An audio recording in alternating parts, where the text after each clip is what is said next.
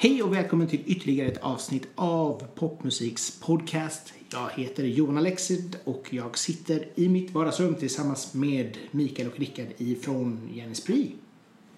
Välkomna hit. Tack. Tack. Hur är läget med er idag? Eh, det är bra, men det är lite chockande att det är så kallt när det varit liksom upp mot 30 grader de senaste dagarna och nu är det, vad är det nu? 20? 15 om Oj. jag får be. Okej, ja. Du ser. Mm. Det är svin. Jo men igår var det verkligen så här. Vi satt igår och man verkligen kände hur det var sån här bastudoft här hemma. För att det var så jävla varmt. Var bara, nej, döda mig. Och tack.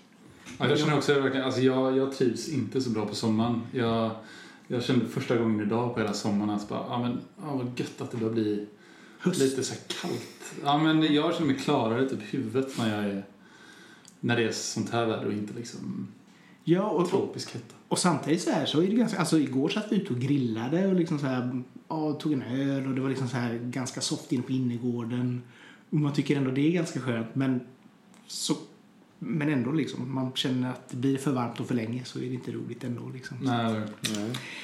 Men det är inte därför vi är här för att prata om, väder och vind. om väder och vind. eh, För eh, ni har precis släppt eh, en EP som heter Nobody Would Know. Eh, som vi ska snacka lite grann om. Eh, men vi ska lite gärna börja med hur ni bildades och var, var ni kommer ifrån och lite grann sådär. Eh, ni, ni er ju som ett Trollhätteband. Ehm, Ja, det är, det är väl svårt att, att komma från. Men det är också lite så här att alla band är ju från Göteborg eller Stockholm. Så Mm. det är väl ett sätt också att kanske... Eh, inte att man försöker utmärka sig på något sätt men det är väl eh, någonting som är lite annorlunda i alla fall. Och sen är vi ju därifrån. Och det är... mm, Ja, så var, varför inte labla sig som det? nej, jag men, hur- när, när eh, träffades ni då? Eller när bildades ni? Eh, Det var jag och Viktor Kivi i bandet som eh, startade bandet och vi träffades redan på högstadiet. Eh, Men eh, i lite olika läger så att säga. Så vi bråkade lite grann. Eh, Men sen så insåg vi att vi gillade samma band. Eh, Och så började vi snacka lite mer om musik och han visste att jag ville lära mig spela gitarr och han hade redan eh, gjort det och så vidare. Var det Eh, så att ni slogs till och med? På, alltså, Jo, vi slogs. Jag vet inte, alltså när, när man har ett efternamn som Kiwi då har man ju liksom, eh, från mitt håll, då har man en ganska enkel öppning till att liksom starta bråk. eh, och eh, så att, eh, nej men jo vi, jo, vi slogs faktiskt, det gjorde vi. Men det har vi gjort eh, efter det också. Din håriga lilla frukt. Ja, Etc, etc. Ja. han är ju faktiskt ganska liten också. Så att det började, det började med bråk och slutade med kärlek som det heter. Ja, kan man säga. Ja. Mm. Vad var det er gemensamma musikaliska nämnare? Judas Priest faktiskt.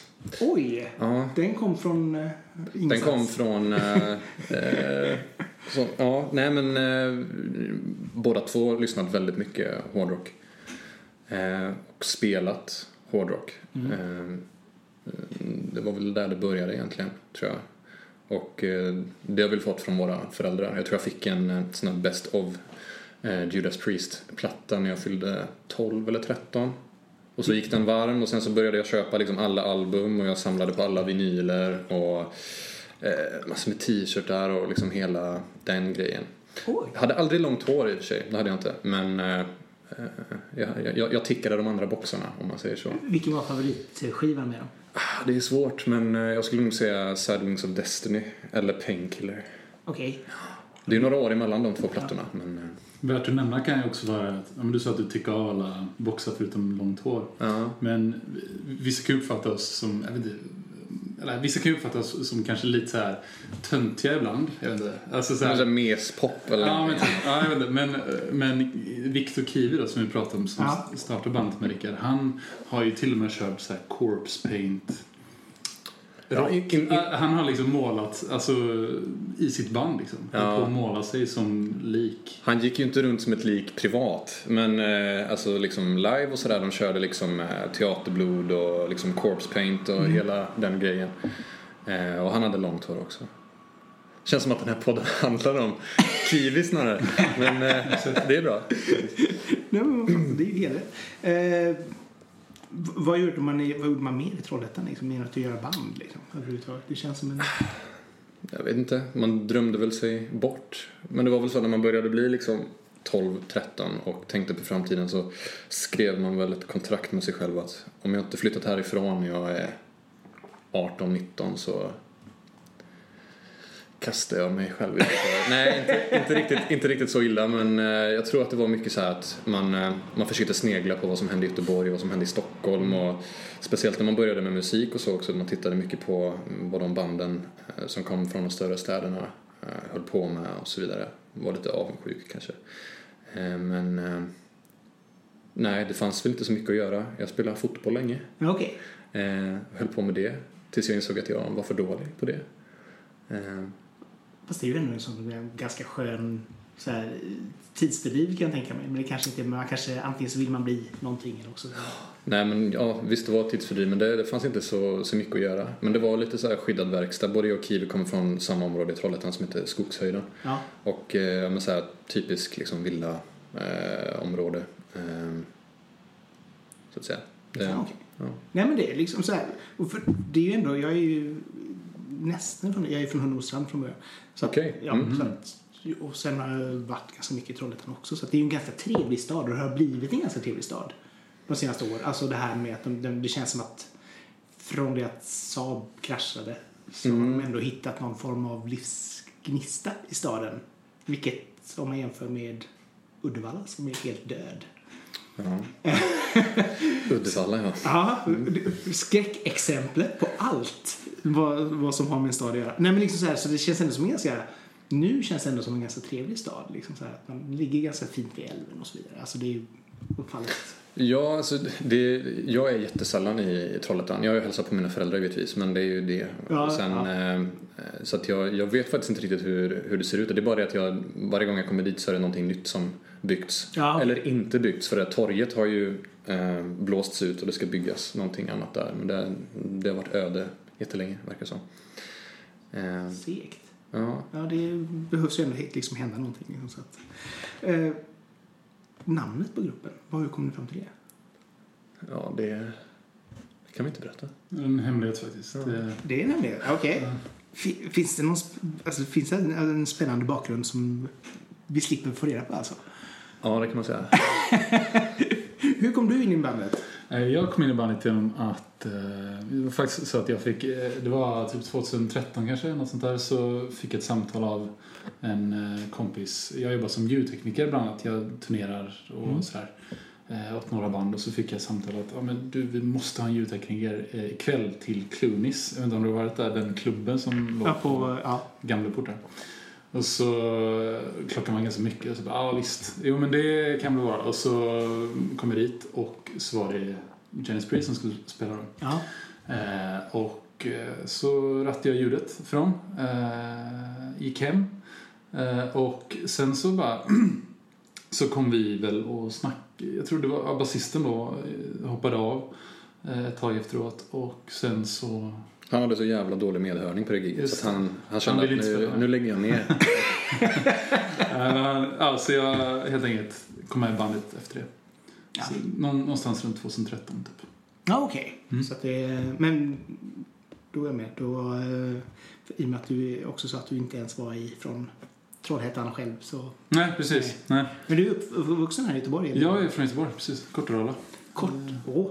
Yes. Så då är det en Göteborgskis i alla fall. Det är bra. Mm. så gör du nästan namn. Men då blir det lite grann en sån. Är de andra kvar uppe i Trollhättan? Är de också Eh, i Göteborg? Eller? Kiwi bor i Trollhättan. Ja. Ehm, men det, det, han är den enda som gör det. Okej. Och vi andra bor i Göteborg.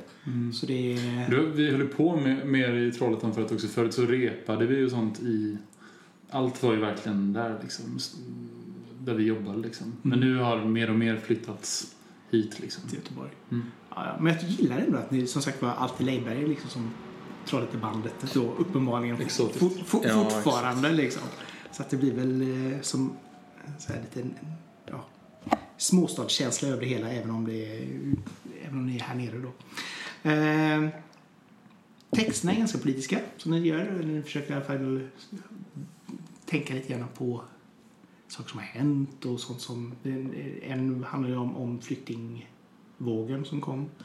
Eh, och så var det också det här attentatet på skolan och så vidare. Mm. Eh, varför har ni hamnat där? Eller vad är det som gör att det, ni brinner för den typen av texter? Jag tror att vi, eh, vi- vi blir lite trötta på att skriva så här kärlekslåtar tror jag. Mm. Som är ett fack som inte är, det är inte fel att göra det.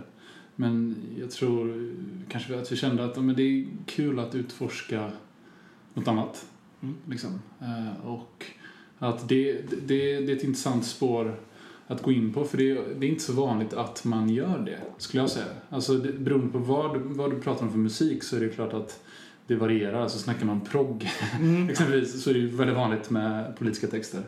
Men snackar man mycket annan musik så kan det vara att väldigt mycket rör kanske mer, ja, ska man säga, världsliga ting. Eller liksom, lite så här, ja, men, inom citationstecken lättare saker liksom. Boy meets girl, liksom. Precis. Grejen. Men, eh, ja. Men brinner för, jag vet inte, det är väl lite som Mikael säger att vi eh, måste testa lite ny mark. Det är klart att vi skriver fortfarande vad man kallar kärlekslåtar. Men, eh, eh, jo men alltså så bara utforska lite ny mark. Mm. Och eh, sen alla fyra i bandet, eh, vi snackar mycket om saker och ting som för sig går och eh, och blir man inspirerad av det så känns det ganska naturligt att liksom väva in det i processen när man eh, skriver Mm. och så vidare. Så att, Vi är ju, ja, precis, vi är ju politiskt intresserade och liksom snackar mycket liksom. Eh, och debatterar i, och ja, det är ju inte liksom, det är ju inte, vi, ja. Har ni samma åsikter eller har Nej, ni nej, väldigt nej. olika åsikter? Vi har två olika läger kan man säga. Jag, jag och Viktor, eh, trummisen, eh, vi har två Viktor så, Viktor Kiwi och Viktor Hillström. Den ena spelar gitarr, den andra är trummis. Eh, jag och Viktor då, trummisen, vi står åt vänster Ja. medan Rickard och Kiwi står mer åt eh, det, det högra Du, försöker, du försöker utmåla det som det men eh, ja. Du kanske är mer liberal? Ja, Ja men det är till höger om vänster. Ja, ja, ja, ja okej. ja. Inte liksom, det är inte... men det är ju tyvärr, Inga eller nazister. tyvärr, Nej, nej, nej, det, det, det så... det hade varit ganska intressant att liksom enas kring, kring något sånt men eh, ja. Nej, men det, är- det är väl också bra för det är, ju- kanske skapar dynamik i, eller, i, i både i gruppen och när man ska skriva någonting eller framföra någonting. Liksom, att, Ja. Ja, jag tror inte att så här, när man säger att någon, så här, ja men det här är ett band liksom med politiska texter eller att, så här, vi, vi har ju inte ett politiskt statement på det sättet att vi eh, ehm, har en agenda och att det är därför vi håller på. Liksom att vi håller på med bandet för att vi Sänka vill, nej, eh, utan vi, eh, det är väl bara det att vi använder de eh, eh, källorna vi får liksom inspiration ifrån och så skriver man en text eller en låt som är baserad på, på det. Liksom. Ja. det är, ni är lite mer medvetna, eller politiskt medvetna om vad som händer. Så kan man kanske säga. det känns ju ganska så här, självgratulerande att säga att man är, Jo, att man är men- det, ja. Men det, det beror på vad man jämför med givetvis. Alltså någon som kanske läser statsvetenskap eller någonting. Det är Jo. klart, de är mer eh, verkligen pålästa och sådär men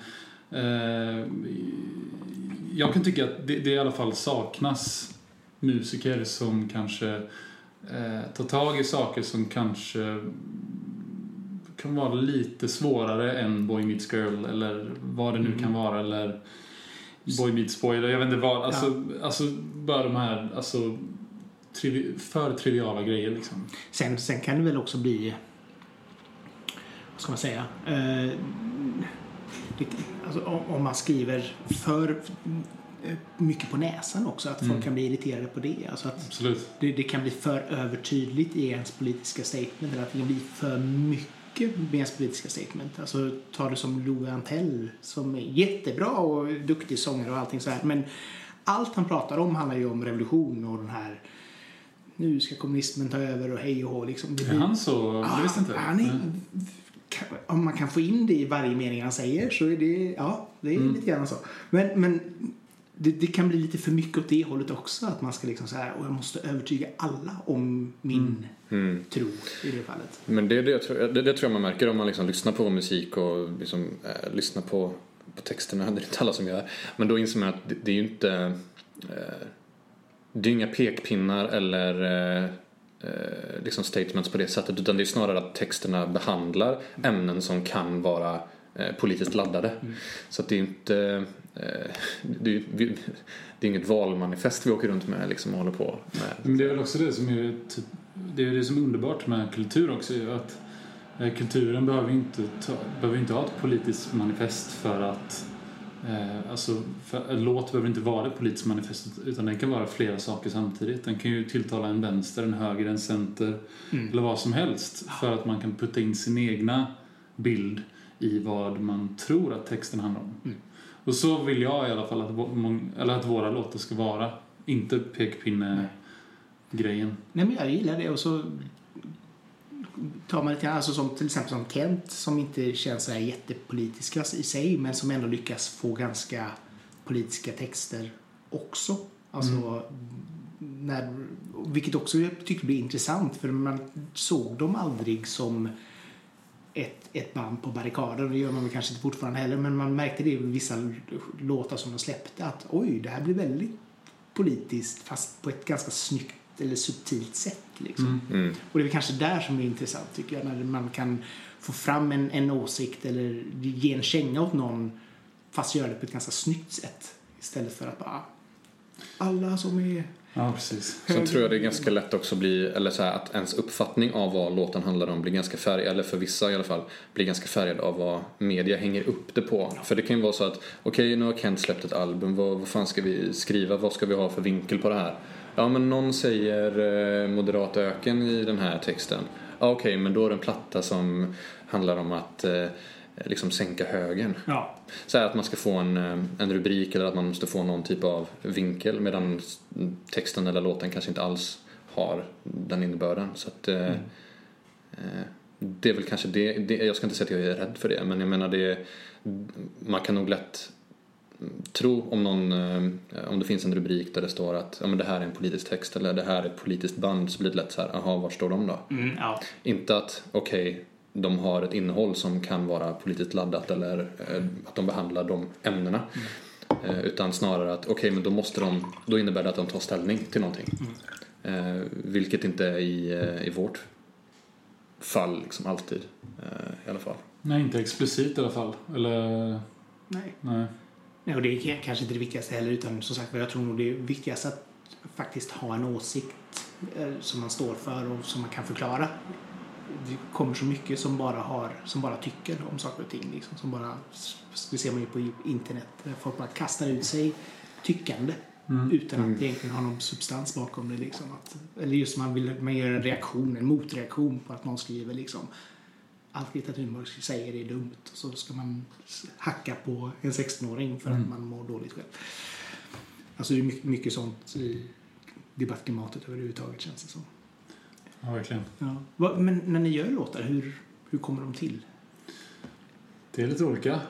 Är lite beroende från person till person. Alla i bandet skriver ju. Mm. Ehm, men vissa, vissa skriver ju liksom mer själva. Ehm, vissa skriver mer eh, liksom tillsammans. Så den här plattan, eller vi, vi, den här EPn nu då, Mm. eh, är ju en del av en platta som kommer släppas i början av 2020. Mm. Eh, och de, alla de låtarna har väl i princip eh, blivit till liksom, man kan säga över internet ganska mycket. Alltså till sin så här klara form. Det är att liksom, det kommer en låtidé så jobbar vi via Dropbox då. Mm, mm. Eh, Så att liksom, någon skriver någonting och så, så skickar man och så jobbar vi gemensamt i olika projekt och så ja, ganska mycket över internet skulle jag säga. Men sen har vi också sett jättemycket givetvis. Ja, alldeles för mycket kanske. Nej, men jo, det, det är väl klart. Det, nej, men eh, för mig personligen så görs det mesta typ i min, eh, i min telefon. Eller så här att jag eller att man kommer in i vissa perioder då man har påbörjat ett x antal idéer och sen eh, kan man bara liksom sitta och så, så ah, just det, den grejen skulle man kunna avsluta så eller börja så och så tar man upp diktafonen och så nynnar man eller man spelar in med gitarr och sen så tar man det därifrån steget vidare in i eh, Logic eller vad man nu sitter i liksom. Och så skickar man det till Mikael, vad tycker du om det här? Ja, det suger. Och så skickar man en till grej. Standard, eh, Ja, och så, och så skickar man en till grej och så, ja det suger. Och sen skickar man en tredje grej och så, ja det här är bra. Jag tror att eh, Ryan Tedder, eh, vet du vad det är? Ja. Eh, han sa att den voice memo-funktionen på iPhone, liksom, den är det, det största som har hänt låtskriveriet de senaste typ, tio åren. Men det känns som det. Jag tror inte jag har träffat någon som inte använder voice memo för Nej. att skriva, spela in liksom man, man kommer på en textrad eller man kommer på en melodi som man måste nynna in precis där och då liksom. Mm. Och då är ju, alla har det ju till hands så att det är ju värre om du ska liksom så här ta fram kassettbandspelaren och Jag hade det en gång. Det var sjukt mäktigt alltså. alltså en sån, Ja, du är ju lite äldre än oss ja, andra. extremt. Med hur många månader? Ja. Eh, Vilken låt är ni än så länge som ni har släppt mest nöjda med? Det är som att ni fortfarande ger gåshud liksom. Oj, den försvann för länge sedan. Nej.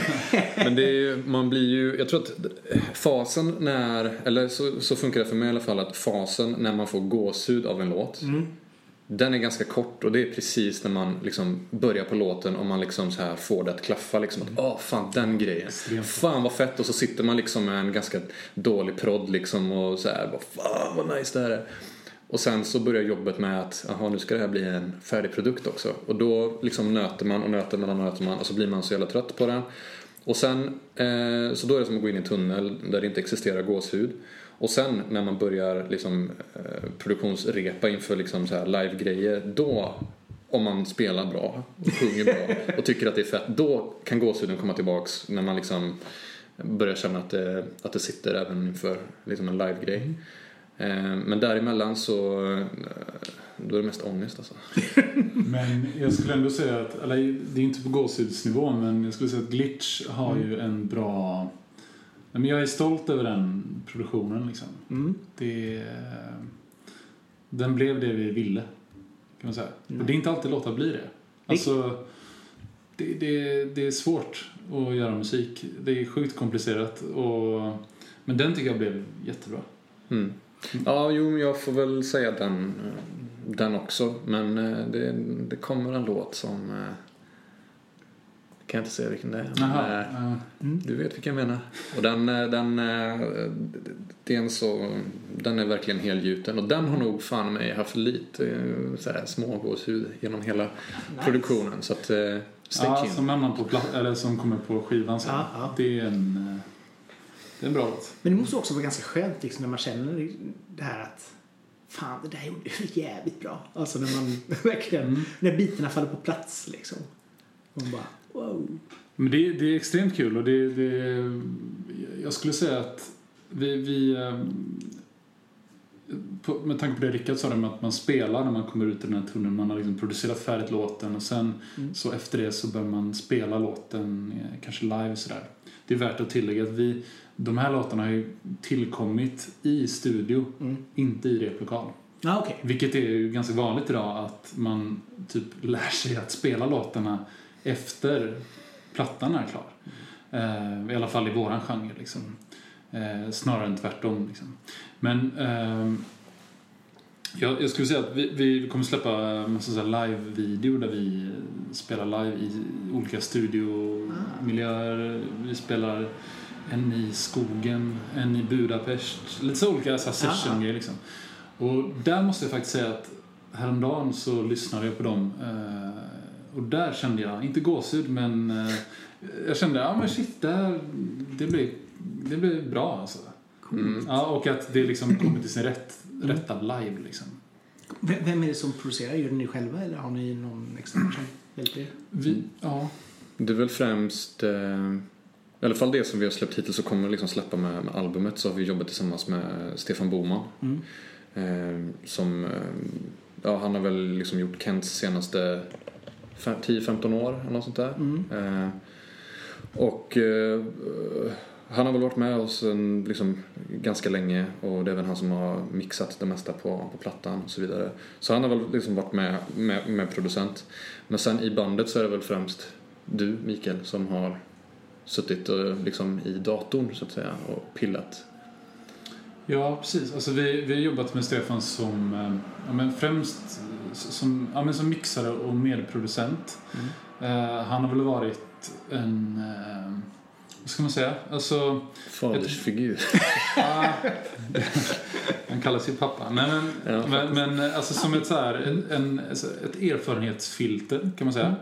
Eh, han har inte varit där liksom konkret i alla beslut utan mer att liksom vi jobbar och så skickar vi över till honom och så tycker han till. Eh, men- sen har vi givetvis liksom jobbat med honom mer direkt också. Men där har han ju funkat otroligt bra. Vilket jag antar att det måste vara liknande i, i Kent. Jag tänker för Kent producerar väl, producerade väl ganska mycket grejer själva. Liksom. Ja, eller det har väl Stefan sagt själv också att eh, liksom, Jocke kom ju med ganska färdiga... Jocke har ju liksom en studio hemma i, i källaren liksom, där han bor. Eh, alltså, i- och, Berg nu. Va? Ni first name. Så, ah, jo, ah, okej. Joakim Herbert Berg. För att få hela då. Eh,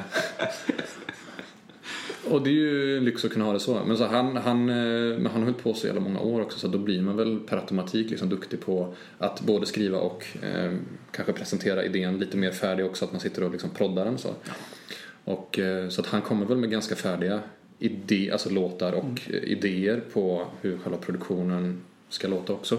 Så uppfattar jag det i alla fall. Ja, men det, men, det, ja, men det Stefan Boman gjorde väldigt bra där för oss var i alla fall att vi, vi alla mm, håller på väldigt mycket med produktion och sådär i bandet och eh, ja, men gör mycket, mycket musik liksom och sådär. Och, och, men han var väldigt bra där för att han kom med sin erfarenhet av liksom, han har jobbat väldigt länge med det här. Eh, med massor av artister liksom. Och bara liksom mer jobbade utifrån ett professionellt perspektiv.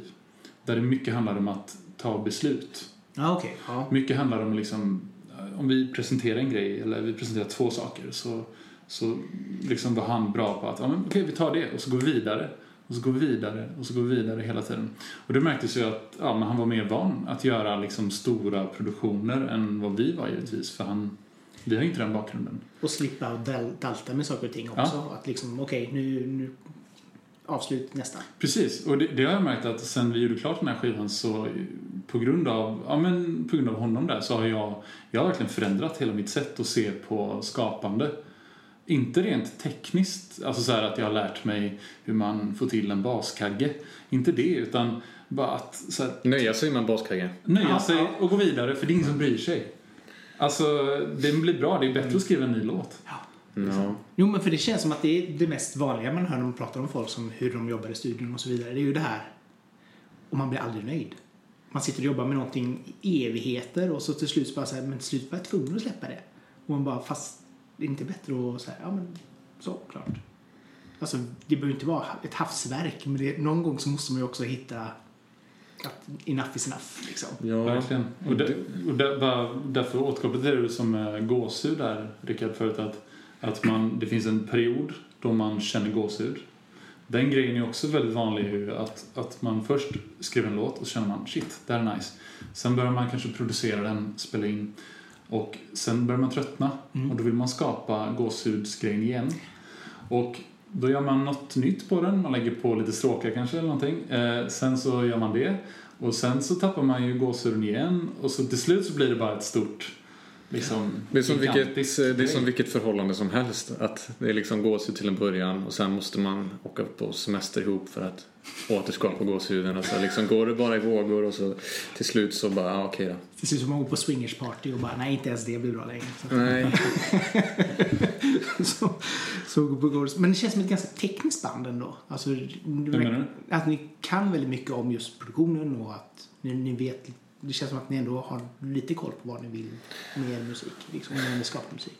Ja, vi har väl olika egenskaper inom bandet men det, ju, ju längre vi har jobbat desto mer har vi väl insett att eh, för att det ska bli liksom bra, för att någon ska ta det på allvar och att någon verkligen ska bry sig så gäller det att man liksom gör det själv.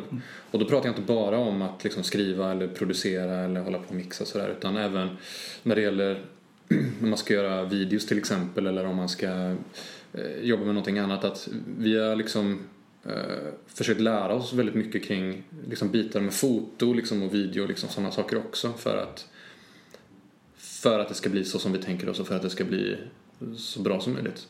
Eh, så att vi har nog blivit ganska tekniskt medvetna i alla fall om vad man kan eh, göra och hur man kan få bästa resultat med så liksom, enkla medel som möjligt. Så att säga. Jo, men det, för det ser man ju på allting. Ni har ju en väldigt snygg grafisk profil. Ni har, alltså, alla bilder är väldigt bra tagna. Det, videorna är assnygga. Alltså det, det känns som att ni ändå försöker ha en helhet som, som liksom lever upp till musiken. För, för det känns som att det ändå går hand i hand. Det är inte så att man ser videon och känner att det här ser ganska billigt ut. Utan när man ser videorna så känns det som att det ligger pengar bakom det och det är, liksom, det är snyggt foto, det är snygg färgsättning och allting. Så att det gör ju också att ja, man, man, när man hör eller ser er och lyssnar på er så känns det som att ja, men det här är inte ett havsverk utan det är ändå välgjort. Liksom. Men, vad, ja, men det är kul att säga det för att alltså, det är verkligen den grejen vi är ute efter. Att det ska finnas en helhet. Nej, vi är mest ute efter att det ska se dyrt ut. Som borgaren här till vänster. ja. Borst. Vi pratar ju ofta om eh, production value. Alltså, om man, när vi filmar någonting så bara, men det här ser jävligt dyrt ut. Nej, men det är viktigt. Alltså, jag tycker sånt är, det är ändå viktigt. Liksom, så här. Men, men lite, vi går tillbaka lite grann till, till, till Kent igen. För ni har ju Mm. ändå lite koppling, inte koppling, men, men Sami har ju ändå hjälpt er på Mm. en låt. Ja. Hur var det? Eller hur kom det ens till liksom? För flera år sedan så eh, jobbade vi med en eh, gubbe tänkte jag säga nu, men om han lyssnar på det här kommer han bli jätteledsen då. Men nej, han är en En gubbe nu. Han får, han får, han får, eh, han får acceptera det. Han heter George Nemeth. Ja. Och han är liksom en så här Eskilstuna-profil som eh, haft med, eh, med Kentarna att göra sedan jättelångt tillbaks. Så han känner ju Sammy och liksom alla i Kent. Och han George var vår eh, manager ett tag. Och, så han liksom kopplade ihop och så vi började snacka och eh, Sammy fastnade för en eh, demo som vi hade som, eh, ja då hette den nog, ja, jag minns inte vad den hette, det var något roligt, men skitsam. Och då så ville han, eh, ja men den här skulle vi kanske testa och jobba på tillsammans. Och, eh, för han, eh, han har ju liksom börjat producera lite andra band och sådär. Och det gjorde han även då när liksom Kent fortfarande höll på. Och jobbade som, som producent och så. Och ja, liksom skickade den fram och tillbaks och det blev väl bra. Men sen fick ju Stefan nys om oss också. Och sen när vi lite längre fram började snacka om så här, ja, men vi måste spela in eh, fler låtar och vi måste göra ett album och då blev det så att vi hamnade med, med Stefan. För Stefan och Sammy jobbar ju i samma studio och Ah, de är okej. väldigt tajta liksom Ah, ah. och sådär så att eh, Det är den studion som Kent ägde tillsammans med Stefan Ah, Okej. i eh, Älvsjö i Stockholm. yes. Eh, Så det var väl på den vägen. Så att Sammy var inkörsporten till Stefan. tyngre producent. Men, måste bara få, eh, tonartshöjningen i Heart. ah, Ja, Ja. var det ni eller var det Sami? Ja, det var ju inte Sammy om man säger så. Nej men jag tror nog att det var en sån här liten punkgrej att vi tänkte såhär, okej vad får man inte göra? En tonartshöjning? Ja men då gör vi en tonartshöjning. Men jag tycker det funkar i den låten. Ja. Men är den kvar i... Nej, den är inte kvar. Nej. Det kommer, eh, Heart kommer i en ny eh, skepnad kan man säga. Och nej, indie-versionen, inte schlagerversionen. Exakt, exakt. Ja, du får ha den, var de sida vid sida på plattan. Nej, men så det, som, det kommer en ny version som inte har den här då punkiga tonartshöjningen. Ja, den, blev, den blev slaktad tyvärr. Det är ju jätte... Alltså när jag hörde den, man bara... Det här skulle kunna vara med i Melodifestivalen. Det är verkligen så här. Och, så, och jag tänkte liksom så här, det måste vara Sami säkert som kommit med det. Men nej, okej, uppenbarligen inte. Så sjukt svårt att sjunga också. Alltså det är så högt. att- Ja. Eh, Ja, nej. Ni har haft ganska lång, lång paus. Eh, ja, det beror väl på hur man ser det. Jag tror att vi... Släppmässigt. Ja, släppmässigt har vi ju haft en lång paus. 2015 släppte vi Ja. EP. Ehm, ja, Vad har ni gjort? Vad har hänt? Varför? Det som hände efter EPn var att vi, eh, vi började skriva på plattan. Eh, och eh, jobbade väldigt, väldigt, väldigt... Ja, men, ja, jobbade mycket med det. Jobbade, vi, satte upp mål att vi skulle ha en låt klar. Så här produktionsdemo liksom. Eh, varje vecka. Så vi skrev bara låtar varje vecka. Eh, matade liksom. Sen fick vi ihop ett album liksom rent så här demomässigt. Och sen så började vi kolla på men vem ska vi samarbeta med det här och sådär. Och då ringde vi, som Rickard sa, ringde vi Stefan Boman. Och så började vi spela in den med honom eh, 2016. Eh, och sen av lite olika anledningar så... Ja, men det, det tog lite lång tid. Det var vissa delar av skivan som inte riktigt satt. Och nu kan vi också återkoppla till det jag pratade om förut med att det kan vara svårt att avsluta saker. Mm. Eh, så, så att det, det är mycket det som ligger till grund för det. Men, alltså för, för, för den långa pausen. Men eh, också att vi har försökt skapa en hel värld av, eller hel värld, men hel eh, bank av content liksom. Alltså vi har, vi har många videor, vi har många av de här live session videorna, foton, allt sånt där som vi ja, men liksom har vi, eh, löst själva. Liksom. Vi har, vissa grejer har vi jobbat med andra på, vissa grejer har vi spelat in själva, vissa grejer har vi fotat själva och sådär. Men innan vi släppte det här så ville vi att allt skulle vara klart. Liksom. Så det är också en, grej, en anledning till att det har tagit så lång tid. För att vi, vi har ingen som... Alltså om man ligger på något så här stort bolag liksom, så, så antar jag att folk gör sånt åt en. Liksom. Eh, i, I mer eller mindre utsträckning. Liksom. Men det är ju det som i alla fall har gjort att det har tagit ganska lång tid. Ja, för fyra år, det är ju nästan, alltså, finns ni, finns ni inte länge om man säger så. Om man... Vi vill ha lite mystik. Men var det svårt att komma tillbaka? Alltså, komma tillbaka kan man inte säga, men det varit borta. Men just så här, kom folk ihåg er? När ni släppte singel eh, nu igen liksom. ja skulle jag säga. Mm. Men det är ju fler som eh, är engagerade och eh, bryr sig idag. Så det är ju mycket liksom ny, nytillkommet engagemang utifrån om man säger så. Men de som var eh, med redan från på den tiden eh, är ju kvar liksom. Och de har ju stöttat oss under hela vägen och liksom, så det är, Stressat oss. och stressat oss. Skickat eh, meddelanden. Vi har ett stort tryck från, från Polen framförallt som har legat på oss och piskat Jaha, oss. är det stora där? Nej men det finns eh, några stycken i, i Polen som är jättededikerade och liksom gör egna nyckelringar och bokmärken och Gud vad roligt. ja, det är lite skoj. Så här, det är inte Big in Japan, det är Big in Poland, men det är ändå liksom. Ja, det är ju i öst i alla fall. Ja, ja. Det är viktigt. Om, man- om man kisar eller typ rakt söder. Ja. Men spännande ändå. Men vad, vad, hur känner ni att reaktionen har blivit på de två första singlarna? Bra. Ja. Eh, det har blivit bra. Eh, vi har ju fått eh, en del eh, liksom press både i liksom England, Tyskland, Sverige också. Alltså det, det känns som att det är liksom en del som börjar få upp ögonen, en del som engagerar sig, skriver om det. Vi har haft liksom tvåstaka eh, även liksom radiospelningar eh, i ja, USA, Australien, eh, lite mindre ställen. Eh, så det känns ändå som att det, det börjar röra på sig. Men det, det här är inget släpp som har... Eh, ja, jag vet inte. Det här är bara början liksom. Så att eh, vi, vi börjar liksom känna på det. Och det, det börjar liksom rulla på bra. Jo, nej, för när, när, man, när jag eh, vad ska man säga, kollade runt på, eh, på nätet och så, här där då, så, så kändes det som att ni har ändå fått bra, väldigt bra respons på, på singlarna och, och de som har skrivit har varit väldigt positiva och väldigt här, peppade på det.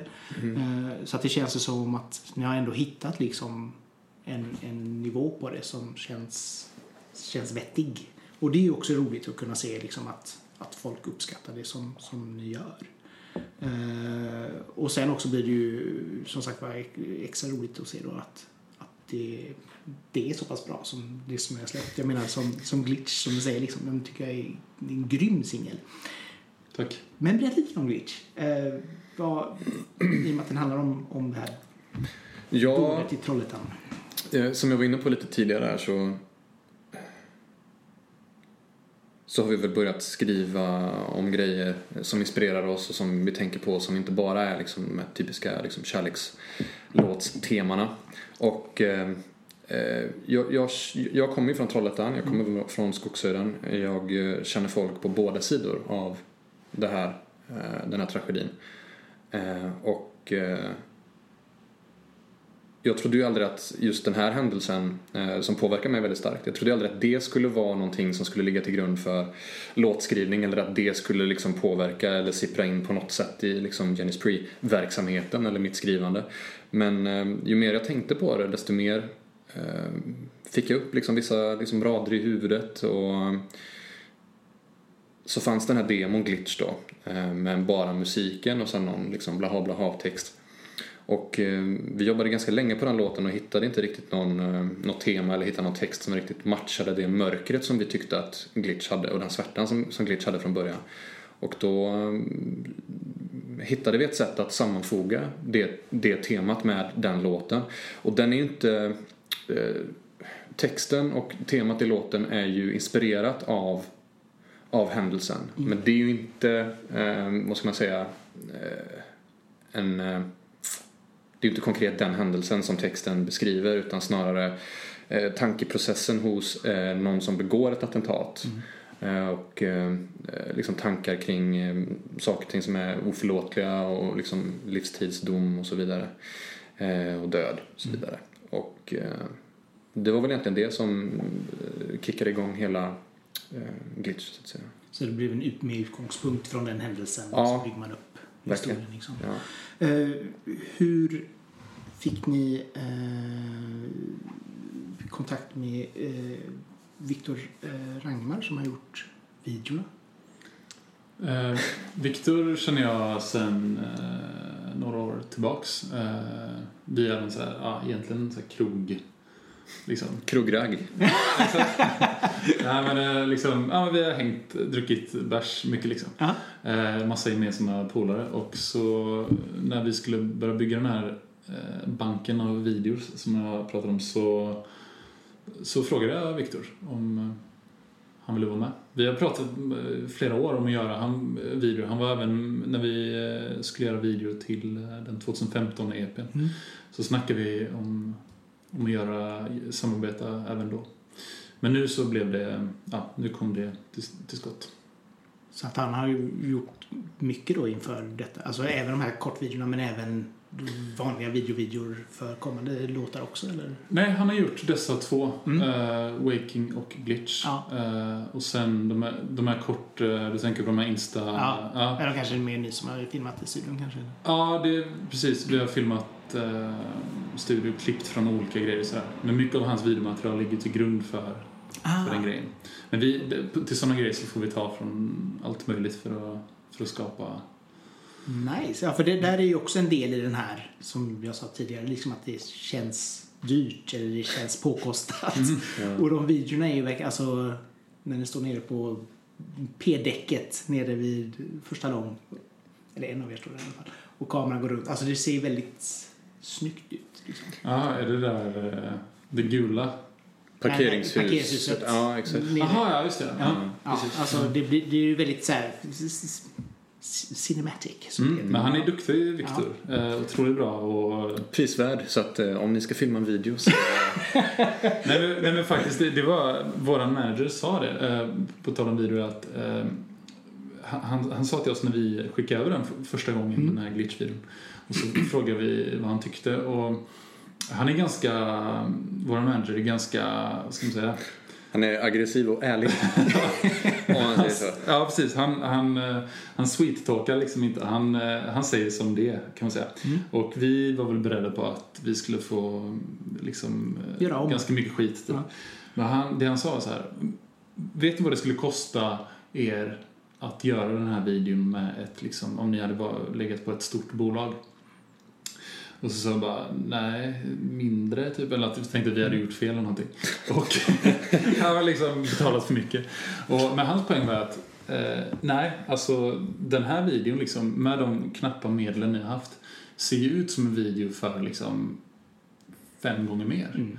Vilket jag tycker är en, ja, man ska ge en stor eloge till Viktor som liksom kan lösa en sån video utan ett stort team av eh, massa assistenter och, och sånt liksom. Så det, det är ju väldigt kul att han kan göra såna grejer. Mm. Jag imponer- det var verkligen imponerande. Båda, båda videorna, alltså uh, Walking och, och Glitch, Mm. ser ju väldigt, väldigt cool ut. Det var kul också att det var Viktor på båda två. Så att, eh, Det kan säkert bli mer i, i framtiden också. Så Ja. det, han har ju blivit en eh, god vän till alla i bandet Mm. sedan dess. Så att det, En liten maskot som jag har. Ja, det kan man säga. Ja. Den, den gode Ragnar Men Marcus Åkesson då? Mm. Berätta om Ja. detta. Det var att jag, jag var eh, på en konstutställning i Kalmar. Så jävla svår kille. Verkligen, jag åker överallt. konstutställningar. Konstigt. Ja, jag låter lite mer kultiverad än vad jag är där faktiskt. Men eh, nej, men min, Men vi, vi håller kvar med den Just det. känslan av att Ja. du är det. Ja. nej, men så en av mina resor då till eh, konstutställningar ledde till Kalmar. Eh, och I häst och vagn. Det kan. Nej men så var jag där och tittade. Mm. Uh, var det en slump faktiskt. Och så bara tyckte jag att de tavlorna som han har gjort, som han ställde ut där, var otroligt bra och eh, mörka. Jag tyckte de hade liksom ett, ett ljus och mörker på samma, på, på samma, samma gång som jag tyckte var väldigt intressant. Och så, så vi gjorde sen var att jag, jag skickade några bilder till de andra i bandet som jag bara fotade i den här, på den här utställningen och så, sen så tyckte alla att ah, shit vad nice. Och då sa vi vi måste ju snacka med honom, se om vi kan samarbeta på något sätt. Och sen så hade vi av oss till honom, skickade över musiken och på den vägen är det att vi har fått använda hans eh, eh, vi an- använder hans tavlor Ja. till artworket då. Eh, vilket är jättekul. Mm. För jag, alltså det är så sjukt snygga grejer alltså. Ja, ja, Tycker jag. Och just det här att det blir samma, att det blir en helhet också där liksom med att det är samma typ av bilder på både singlarna och på EPn. Mm. Eh, så att det inte blir liksom här var det det här bara och här var det någonting annat. Utan det är verkligen... Nej, det är Eh, jättekul att han, att han gillade oss så pass mycket. Att, eh, och han, han är den absolut lättaste personen som vi har haft att göra med också. Vi har ju liksom fotat och jobbat med en del människor. Alltså så här, visst, alla har varit jättehärliga men han har verkligen varit liksom superenkel att, att ha att göra med liksom och sa direkt från början bara ja men visst, det, det, vi kör på det här. Liksom. Det, det är jättekul. Kul! Ja men det är skönt också när man hittar en sån person också som man kan samarbeta med. Kommer ni även göra det i framtiden också? Eller kommer det bara vara EPn här nu som... Nej, plattan också. Ja, eh, sen får vi se. Eh, vi, alltså, jag tänker om man... Nu tänker jag högt här men jag menar låt säga i framtiden om det finns liksom lite så här större budgetar och sånt så vore det ju svinkul liksom göra någon... Alltså man kan göra någon beställning. eh, Ja. grej. Men det är, ja för jag tycker han, han gör jättebra grejer alltså. Men det är också kul då att, då, för EPn har ju ändå koppling till kommande albumet. Mm. Eh, Och då är det ju också ro- roligt att man kan använda samma grafiska profil även där. Ja, Exakt. Så att, det, inte- så att det inte blir som ett helt annat, helt annat släpp. Nej, precis. Och det går ju bra för honom också. Han, eh, eh, man kan ju följa honom på, på Instagram. Eh, fan, nu borde jag ju Marcus veta. Akesson Visual heter han Ja, tror jag. Marcus Axelsson Visual. Och det är ju liksom, han publiceras ju på många häftiga ställen och mm, utställningar och så vidare. Så det, det är jättekul det också. Mm, ja, det är riktigt kul. Och det är bara vår förtjänst. Just det. Exakt. Ni hittade den här struggling artist somewhere som, eh, som ni har lyft upp ur gyttjan. Ja. Ja, det är rätt. Eh, spelningar. Mm. Nu har ni sett EP. När ska ni inte spela? Eller har ni spelat? Eller kommer ni spela? Hur ofta kommer ni spela? ska- Vart spelar ni? Eh, vi ska spela... När sänds det här? Eh, det kommer finnas på nätet för alltid. Ja. Från och med torsdag. Vad är det för datum då? Andra. Ja, eh, då Nej, då är det 30 men det blir väl... Ja. Ja, ja, bra. Nej, bara, anledningen till att frågan var bara att det, det var en grej som ska annonsas som eh, tänkte om det släpptes nu så... Nej, inte nu. nu. Eh, Ja, vi ligger direkt. Lägg ut. Nej, men eh, vi ska till Sydkorea i eh, september. Coolt. Ja, det ska bli väldigt roligt. Till, eh, ursäkta uttalet nu alla sydkoreaner, men eh, Seoul, hur säger man? Soul säger man. Seoul. Ja, Ja, faktiskt. Ja. Dit ska vi i slutet av september. Förhoppningsvis blir det en liten eh, miniturné. Vi ska vara där i lit, ja, men en vecka ungefär. Eh, och ska vi Hur spela. fick du det? Vi fick det via en organisation här som heter Westside Music. Som jobbar med att placera artister från Västsverige kan man säga. I olika... Så långt bort från Västsverige som möjligt. Exakt. Greta Thunberg är är styrelseordförande. Nej, men alltså det, det, den handlar om att ex, exportera svensk musik kan man väl Mm. summera det som. Och framförallt då västerländsk musik. Eh, Så att vi... eh, Det finns ju någonting då som kallas showcase-festivaler och, eh, som du känner till och eh, det är Sydkoreas största showcase-festival som heter Sandari Festa. Festa. Eh, som är en i, ett, i något hippt distrikt i, i Seoul då, som vi ska spela på. Coolt. Ja, så det, det blir väldigt roligt. Ja, det kan jag tänka Det mig. är det närmsta som är på gång nu. Planerat i alla fall. Ja, och sen det, Och eh, 9 augusti. ja, nästa fredag spelar vi i P4. Eh, det får man inte komma på. Lyssna. Får man bara Det är klart man får. Man kan lyssna in sig på det. Men, eh, kom, eh, men det känns ju som ett så här ypperligt tillfälle att man bara, åh, vi fixar ett gig i Japan också. När man ändå är Mm. där borta. Alltså, ringa på vattengrejer, även om det inte är fixat. Ja, det, det, vore ju, precis, det vore ju målet. Men du löser det eller? Jag, ja. Är det någon som lyssnar kanske? bara kasta sig över telefonen. Nej, men det känns ju som en sån given grej liksom. Ja, nej, men det, det, det skulle vi väldigt gärna också vilja, men det här blev så, så pass sent Ah, okej. eh, bokat kan man säga. Så det var svårt att få till något annat. Men förhoppningsvis blir det några till gig i, även, eh, alltså i andra delar av Korea också. Mm. Inte Nord, men eh, andra delar. av Vi, vi försökte men de var inte intresserade. Kim sa det att det här var den sämsta skit jag har hört, jag vill inte lyssna på er. Och så De hörde, att på vi hade, de hörde att det var, vi hade en vänster och höger. Så halva bandet är välkomna över. Nej, gud vad roligt. Ja, nej, men jättespännande att få komma dit bort ändå. Liksom. Vad, vad hade varit en drömspelning liksom? Som, Eh, alltså du menar där eller i allmänhet? Nej, I allmänhet, så bara så här, när man sitter hemma och drömmer sig bort och bara, åh, gud vad kul det var. Vi, vi, jag, jag tror om, om man tänker rent så branschmässigt, Mm. så här, vad som hade varit bra, så hade ju, jag tänker typ, alltså någon riktigt bra så här support-slott för något bra band liksom. Mm. Typ The 1975, vi, vi har ju väldigt många, många av våra följare gillar dem. Ja, Och inte tvärtom att... men, men liksom, eh, och jag, jag tror att det hade varit en bra publik. Liksom. Ja, ja. Eh, Det tror jag hade varit svinbra. Men nu frågar han ju oss om att vi ska drömma. Att vi får drömma stort här. Men det är en drö- Ja, det är ju klart att det vore jättekul. Men jag menar, eh, det vore ju roligare att ha dem som förband. Just det. Kaxigt. Ja. I Nordkorea. Ja. nej, men, nej men eh, en sån klassisk, eh, sånt klassiskt ställe som man någon gång hade velat spela på och headlina då, det är väl Madison Square Garden liksom. Det är ju det är, det är en så klass, det är ett sånt klassiskt ställe liksom. Jag har aldrig sett någon konsert där, men jag har varit på hockey har jag varit. Men det är, ändå. ja, men det är en häftig atmosfär och det är klassisk mark och det, det hade varit det hade varit kul. Och, Ja. förlåt. Eh, Way Out West. Alltså det hade ju varit så sjukt kul att spela på en festival man varit på så många gånger. Och framförallt att det är så pass nära. Så att, Exakt som man kommer hem direkt. Nej men, ja, men, ja, men faktiskt det, det, hade varit, det hade varit ju en, en dröm att bli bokad till Way Out West. och det känns ju som att där skulle man ju kunna vara, alltså det behöver inte vara Way Out West, det kunde kunna vara Stay Out West. Alltså, så- Nej. Där går våran gräns.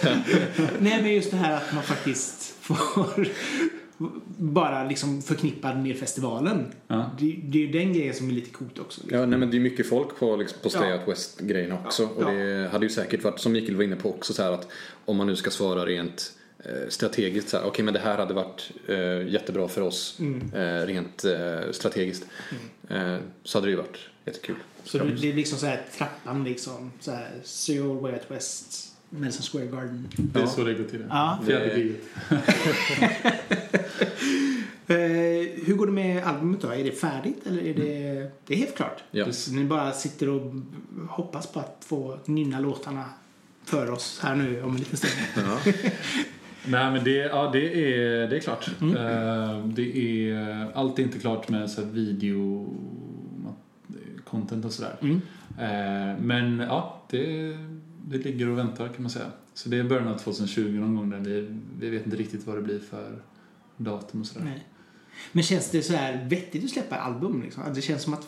Nu känns, nu känns det som fler börjar hitta tillbaka till Mm. albumformatet. Vilket jag tycker är ganska kul. Men det är ju fortfarande den här lösviktskonsumeringen. Ja, Liksom. Men är det ändå en sån här holy grail att få lov att släppa ett album?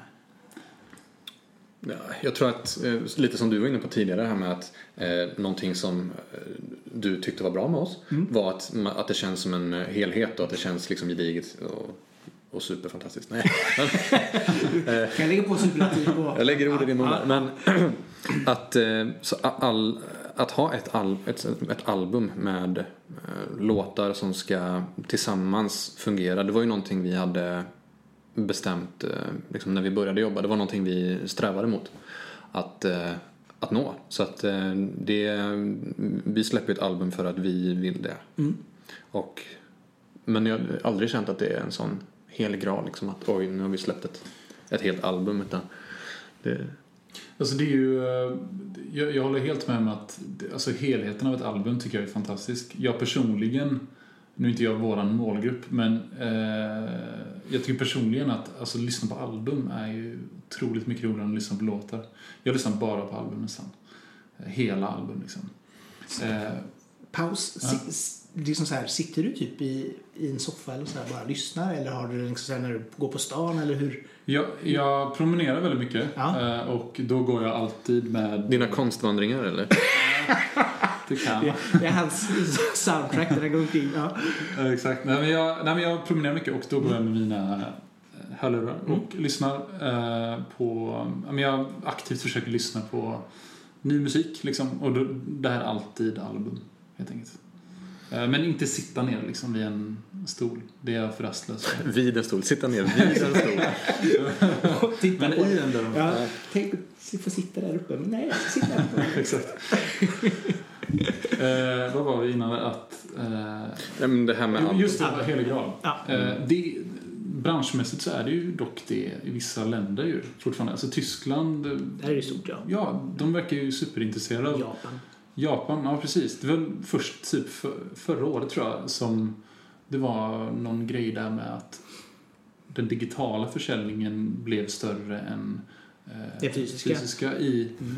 Ja, det var ganska sent i alla fall. I, Jo, fast det i betyder ju inte att man, man inte lyssnar på album. För det, Nej, precis. Nej. Nej. Men, eh, och, men jag bara menar att, att det, det verkar vara i Japan och Tyskland en mer konservativ ja, det är det. Det är det syn på um, konsumtionen. Liksom. Mm. Det är ju någonting vi, vi märkt också med eh, folk som vi har eh, haft att göra med lite i så här PR-sammanhang och sådär. Att det, är- det är vissa som bara eh, väljer att bli involverade om det är så att äh, men vi kan göra det med albumet. Inte med, med singlar eller någon EP utan att de, de helgar liksom själva konceptet med ett album och det är då de kan tänka sig att recensera eller skriva om det och så vidare. Ja, precis. Alltså, printmedia är Mm. väl Ja. Jo, mycket album. Alltså, Ja, men det där blir lite svårt också med singlar för det kommer ju, jag menar jag Ja. själv får ju kanske 60-70 låtar per dygn. Ja.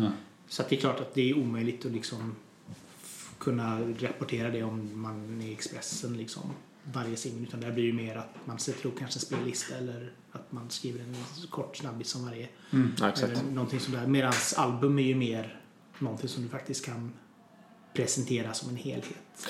Ja, och sen finns det väl också lite mer stoff runt omkring också för att Mm. när ett band väl släpper ett album så finns det kanske lite mer eh, kött i en eh, liksom bio eller i en pressrelease och lite sådana bitar så det är kanske därför också som många väljer att bara skriva om album. Mm. Men sen är det väl också så att många artister idag släpper väl långa Alltså långa album med väldigt, väldigt många låtar för att de ska uppnå platina så som jag förstår det, att, eh, jag snackade med en snubbe som jobbar på något skivbolag i Stockholm om det här.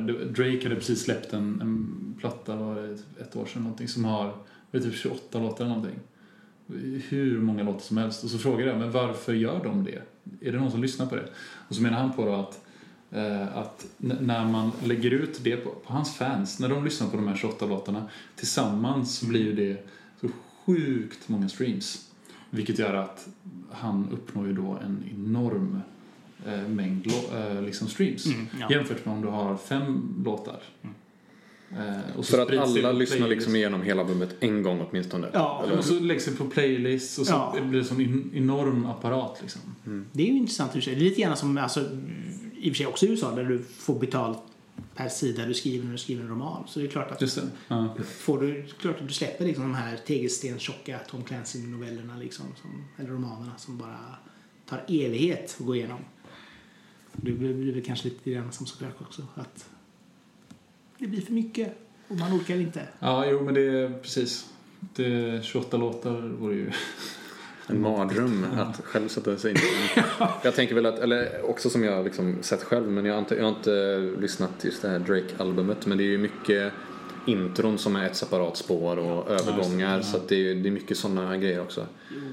Och då kan du ha, alltså, då har du de här 30 sekunders grejerna, absolut. Men, men samtidigt så 40 minuter är ganska bra för ett album liksom.